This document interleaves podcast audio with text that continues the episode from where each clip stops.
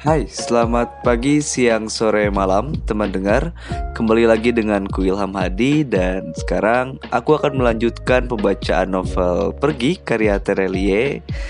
Sekarang sudah bab 8 yang berjudul Mama Tahu. Waduh, kira-kira tahu apa ya? Gak mungkin kan kalau tahu gejrot? Anjir, apa sih Ilham? ya yang jelas um, di bab kemarin kita tahu jika Bujang itu sudah akan memulai pembahasan serius dengan um, Tuanku Imam. Nah, kayaknya di bab ini akan terungkap beberapa hal yang sebelumnya menjadi tanda tanya untuk Bujang dan juga kita selaku pembaca. Aku pembaca sih kalian pendengar gitu. Ya intinya gitulah Langsung saja kali ya untuk kalian teman dengar yang ingin tahu cerita novel ini tapi tidak ada kesempatan untuk membaca, silahkan duduk dengan tenang, rebahan dan cari posisi yang paling nyaman menurut teman dengar.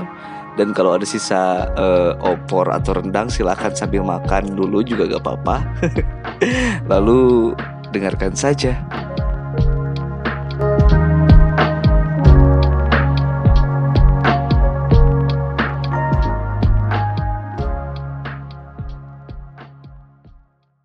Sebelum mendengarkan pembacaan cerita dalam novel ini, lebih baik teman dengar membaca novelnya terlebih dahulu agar memiliki gambaran cerita sesuai dengan imajinasi teman dengar. Karena pembacaan novel ini dibawakan sesuai referensiku dan imajinasiku secara pribadi. Dan satu lagi, baca novelnya yang legal ya, jangan yang bajakan. Pergi. Bab 8 Mama tahu. Apakah Bapak pernah menikah sebelum dia pulang dan menikah dengan Mama. Aku langsung ke inti pertanyaan. Tidak ada gunanya basa-basi pengantar. Toh, inilah tujuanku datang ke perkampungan nelayan ini. Tuanku Imam terdiam di ujung kalimatku. Tangannya yang sedang menuangkan wedang jahe dari kendi tanah ke gelas kaleng terhenti. Dia menatap kulamat-lamat. Ruangan kantor sekolah mendadak lengang, menyisakan asap mengepul wedang jahe. Bagaimana? Kau tahu itu, Agam? Akhirnya tuanku imam bicara, meletakkan kendi. Aku tahu. Tidak penting bagaimana caranya. Aku menjawab dengan intonasi yang berubah Secara tidak langsung, Tuanku Imam sudah mengonfirmasi pertanyaanku. Jawabannya adalah, iya, Bapak memang pernah menikah. Tuanku Imam memperbaiki sorbannya, juga posisi duduknya.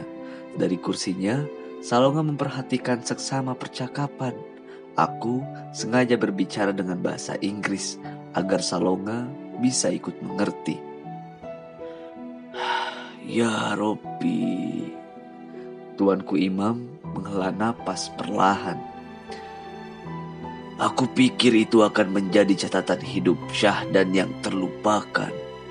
Seperti buku tua, diletakkan di dalam peti, berdebu, terlupakan. Tidak ada lagi yang mengingatnya. Tapi hari ini, buku tua itu kembali dijenguk. Kenapa Tuanku Imam tidak pernah memberitahuku soal itu? Aku memotong. Pertama, karena kau tidak pernah bertanya agam. Dan yang lebih penting lagi, biarlah itu menjadi masa lalu. Tidak semua harus kita ketahui. Tidak semua, tapi informasi sepenting itu aku berhak tahu. Aku memotong lagi. Tuanku Imam mengangguk. Boleh jadi iya, boleh jadi tidak agam.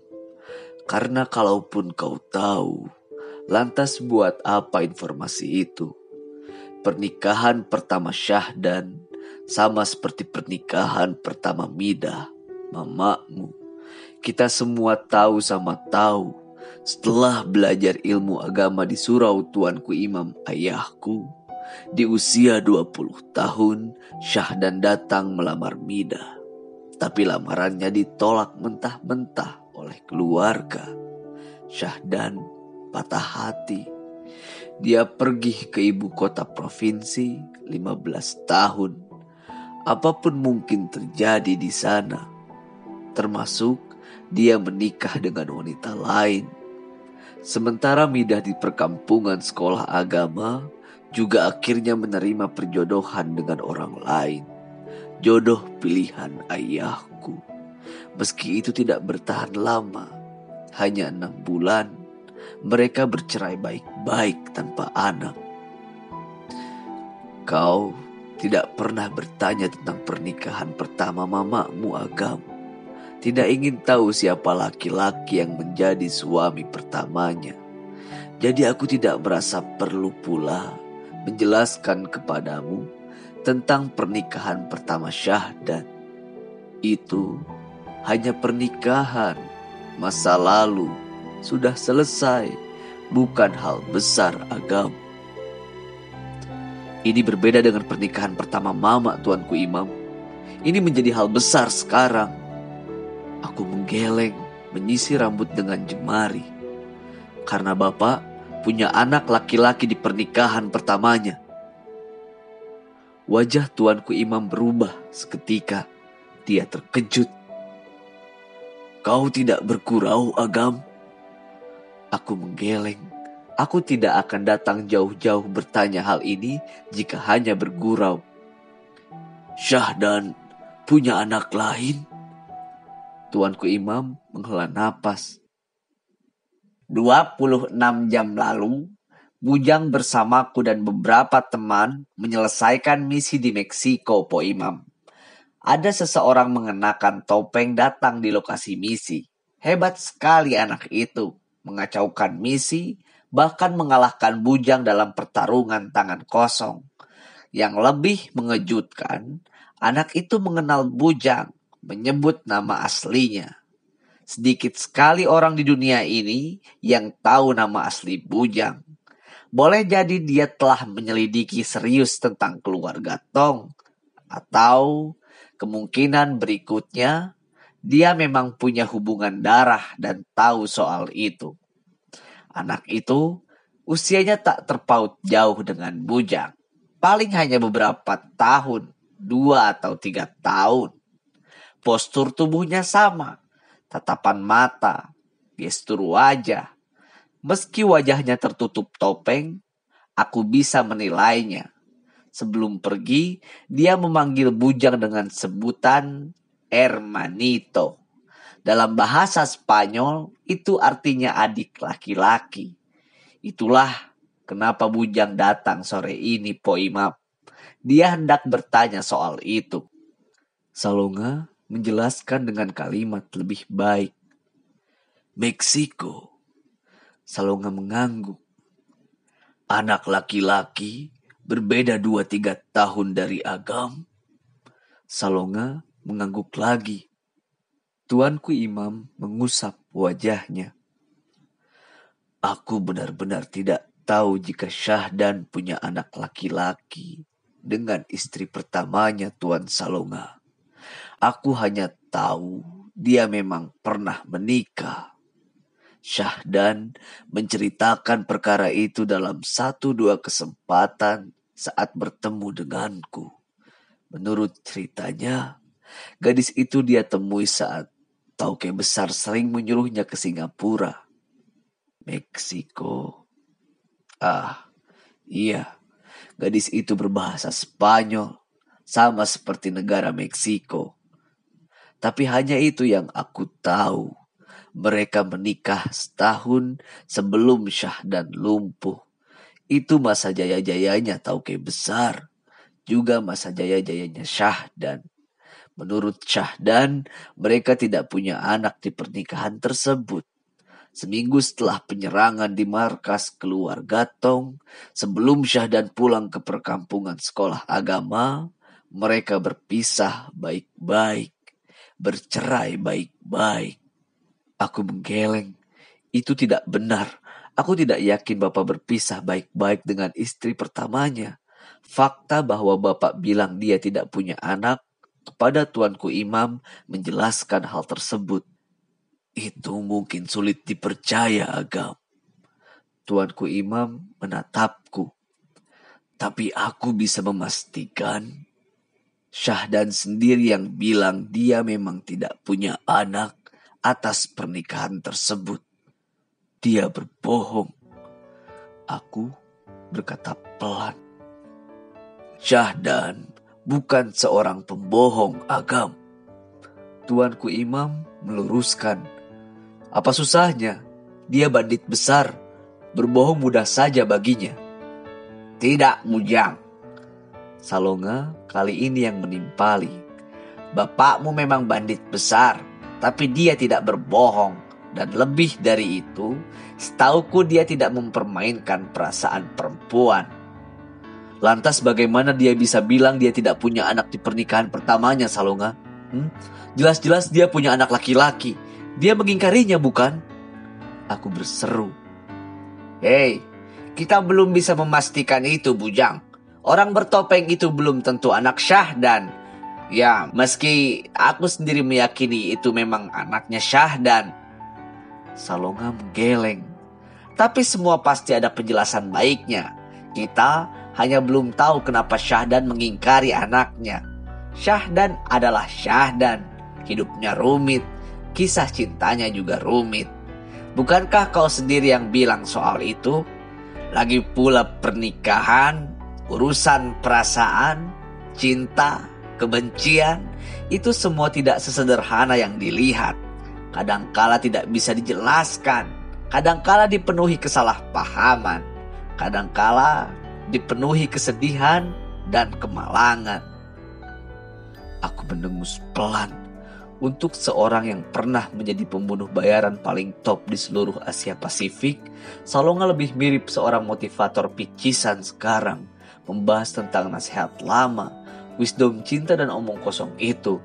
Padahal dia sendiri tidak pernah menikah seumur hidupnya atau sok tahu menasehati tentang keluarga. Sementara masalah keluarganya sendiri tidak bisa dia urus. Salonga juga berasal dari keluarga berantakan. Aku diam menatap kendi tanah yang moncongnya mengeluarkan asap. Dari tadi tidak ada yang menyentuh gelas-gelas kaleng, membiarkan wedang jahe perlahan mendingin. Apakah kalian tidak bisa menemui orang bertopeng itu lagi, Tuan Salonga? Bertanya langsung secara baik-baik dengannya untuk meluruskan urusan ini. Tuanku Imam bertanya, Aku menepuk meja kayu pelan. Itu tidak mungkin. Itu tidak bisa dilakukan dengan mudah, Po Imam. Salonga kembali menjelaskan dengan lebih baik. Anak itu boleh jadi bergabung dengan keluarga Shadow ekonomi musuh keluarga Tom. Atau dia adalah tukang pukul bayaran kelas dunia. Atau kemungkinan buruk lainnya, dia memiliki agenda dan kepentingan tersendiri yang kita tidak tahu. Aku khawatir bertemu kembali dengannya, boleh jadi itu berarti situasi hidup mati berikutnya. Apalagi dia membawa pergi benda berharga milik keluarga Tong. Dan perlu aku tambahkan, situasi sekarang juga serius. Hubungan antara delapan keluarga penguasa shadow ekonomi sedang mengalami krisis Po Imam.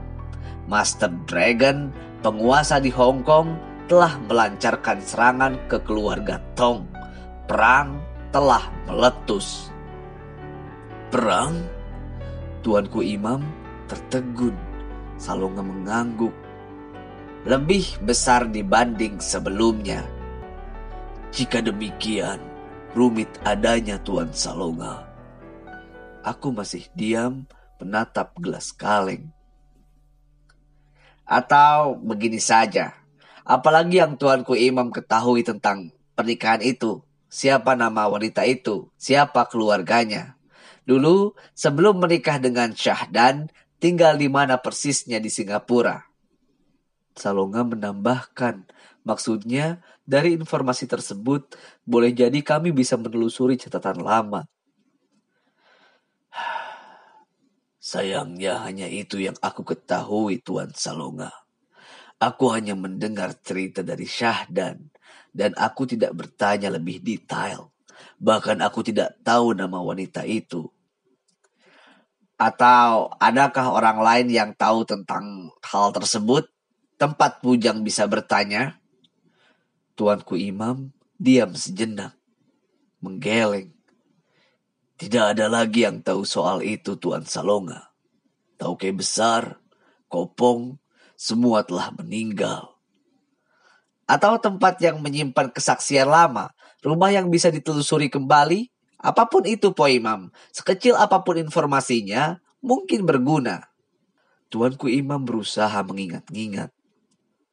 Ah, boleh jadi masih ada Tuan Salonga. Ah, Salonga berseru riang. Syahdan pernah bercerita jika dia punya rumah di pinggiran ibu kota provinsi. Rumah menghadap sungai berbatu, berlatarkan pegunungan berkabut. Aku tahu rumah dan markas keluarga Tong di ibu kota provinsi sudah banyak yang dirubuhkan, diganti bangunan lebih besar dan megah. Tapi yang satu itu boleh jadi masih berdiri. Syahdan pernah menjadikan rumah itu sebagai tempat tinggalnya tahun-tahun terakhir sebelum kakinya lumpuh. Aku punya alamat rumah tersebut. Bisa kuberikan kepada kalian. Aku mendongak. Itu informasi yang menarik. Ah, bagus sekali Po Imam. Salonga mengangguk senang. Tempat itu mungkin menyimpan cerita masa lalu. Menjadi saksi kisah cinta seorang Don Syah dan... Bagaimana Bujang? Apa yang akan kita lakukan sekarang? Aku beranjak berdiri. Kami harus mendatangi tempat itu. Setelah menyerahkan alamat rumah itu, Tuanku Imam mengantar kami hingga halaman sekolah. Sekolah agama itu nampak hidup pada pukul 9 malam.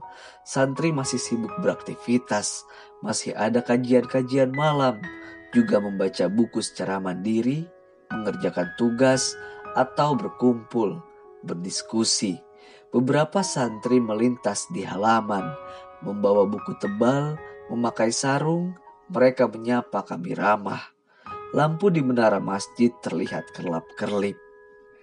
Maraming salamat, Po Imam. Salonga menyalami tuanku Imam, berpamitan. Besok-besok, jika ada kesempatan, aku akan berkunjung kembali. Ikan bakar itu adalah target serius yang harus kudapatkan. Tuanku Imam tertawa hanya terlihat giginya. Sekolah ini mengingatkanku pada seminari di Filipina, Po Imam. Damai, tenang, percaya atau tidak, aku pernah enam bulan bersekolah di seminari. Tapi pistol memanggilku lebih kencang dibanding kitab suci. Sampai bertemu lagi, Po Imam. Salonga menaiki mobil. Palam Tuan Salonga. Tuanku Imam melambaikan tangan. Aku sudah naik ke mobil jeep, menekan pedal gas. Mobil telah melaju dua meter. Saat aku teringat sesuatu, memutuskan menginjak rem, menetralkan persneling, aku turun lagi. Hei Bujang, ada apa? Kali ini Salonga tidak bisa menebak apa yang akan kulakukan. Aku kembali menemui tuanku imam yang masih berdiri di sana melangkah menujunya. Masih ada satu pertanyaan yang hendak kusampaikan. Apakah aku menelan ludah?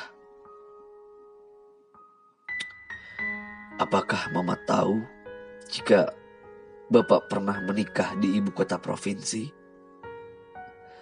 Tuanku Imam tersenyum, mengangguk. Tentu saja Midah tahu. Syahdan sendiri yang memberitahunya sebelum mereka menikah lagi. Aku terdiam, menyekap pelipis. Jawaban itu membuatku sedikit lega. Aku tahu fakta baru ini membuatmu menyemai bibit benci baru kepada Syah dan Agam. Tapi jangan teruskan. Jangan pernah kau siram kecambah kebencian itu, nak. Ketahuilah, dalam urusan yang satu ini, Syahdan selalu terus terang kepada Mida. Baginya, mamamu adalah cinta pertama dan terakhirnya. Dia tidak menyimpan satupun rahasia kepada Mida. Angin malam bertiup pelan menerpa wajah. Orang tua ini meminta maaf tidak pernah bilang soal itu agam. Aku pikir itu tidak penting karena aku sungguh tidak tahu jika Syahdan pernah punya anak laki-laki sebelumnya. Semoga kau menemukan penjelasan terbaiknya. Semoga kau bisa bertemu kembali dengan kakakmu, mengenal ibu tirimu, dan kalian bisa akur satu sama lain. Jika Syahdan, Midah, dan ibu tirimu masih hidup, mereka bisa menatap kebahagiaan anak-anaknya yang telah tumbuh besar setelah perjalanan kehidupan mereka yang berliku dan menyakitkan. Aku mengangguk, balik kanan, kembali naik mobil jeep. Mobil segera meninggalkan perkampungan nelayan, melaju cepat di jalanan lengang. Tuanku Imam benar, aku kembali menyemai kebencian baru tapi setidaknya ada satu hal yang membuatku lega. Mama tahu jika bapak pernah menikah sebelumnya.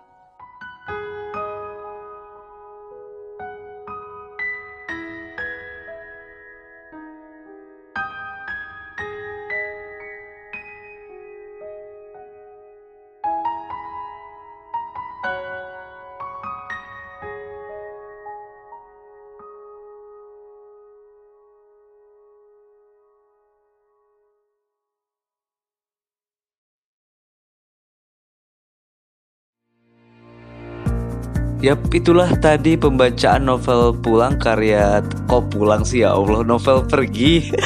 Karya Terelie Bab 8 judulnya Mama Tahu. Wah, seperti di gue kepikiran novel pulang lagi. By the way bagi yang belum dengar pembacaan novel pulang Bisa langsung cek uh, link Youtube di deskripsi ya. Sekalian aja promosi lah. Oh ya, um, kembali lagi ke pembahasan bab ini um, ternyata seperti judulnya yaitu Mama tahu di bab ini uh, Bujang akhirnya tahu jika Mama Bujang tahu uh, maksudnya akhirnya Bujang mengetahui jika mamanya itu sebenarnya juga telah mengetahui bahwa ayahnya itu sempat punya istri dulu gitu sebelum mamanya dinikahi gitu. tapi yang masih jadi misteri adalah apakah si pria bertopeng itu atau pria misterius itu memang benar um, adiknya Bujang atau eh adiknya kakaknya Bujang atau bukan gitu ya. Nah ini bakal seru nih ketika Bujang dan Salonga pergi ke tempat tinggal ayahnya dulu. Gimana cerita kelanjutannya? Tunggu aja di episode novel pergi selanjutnya. Oke? Okay? Ya, aku Ilham Hadi dan kalau teman dengar ingin mengapresiasi podcast ini dengan menyumbang Saweria, silahkan klik linknya juga ada di deskripsi. Oke, itu saja. Aku Ilham Hadi dan bye-bye.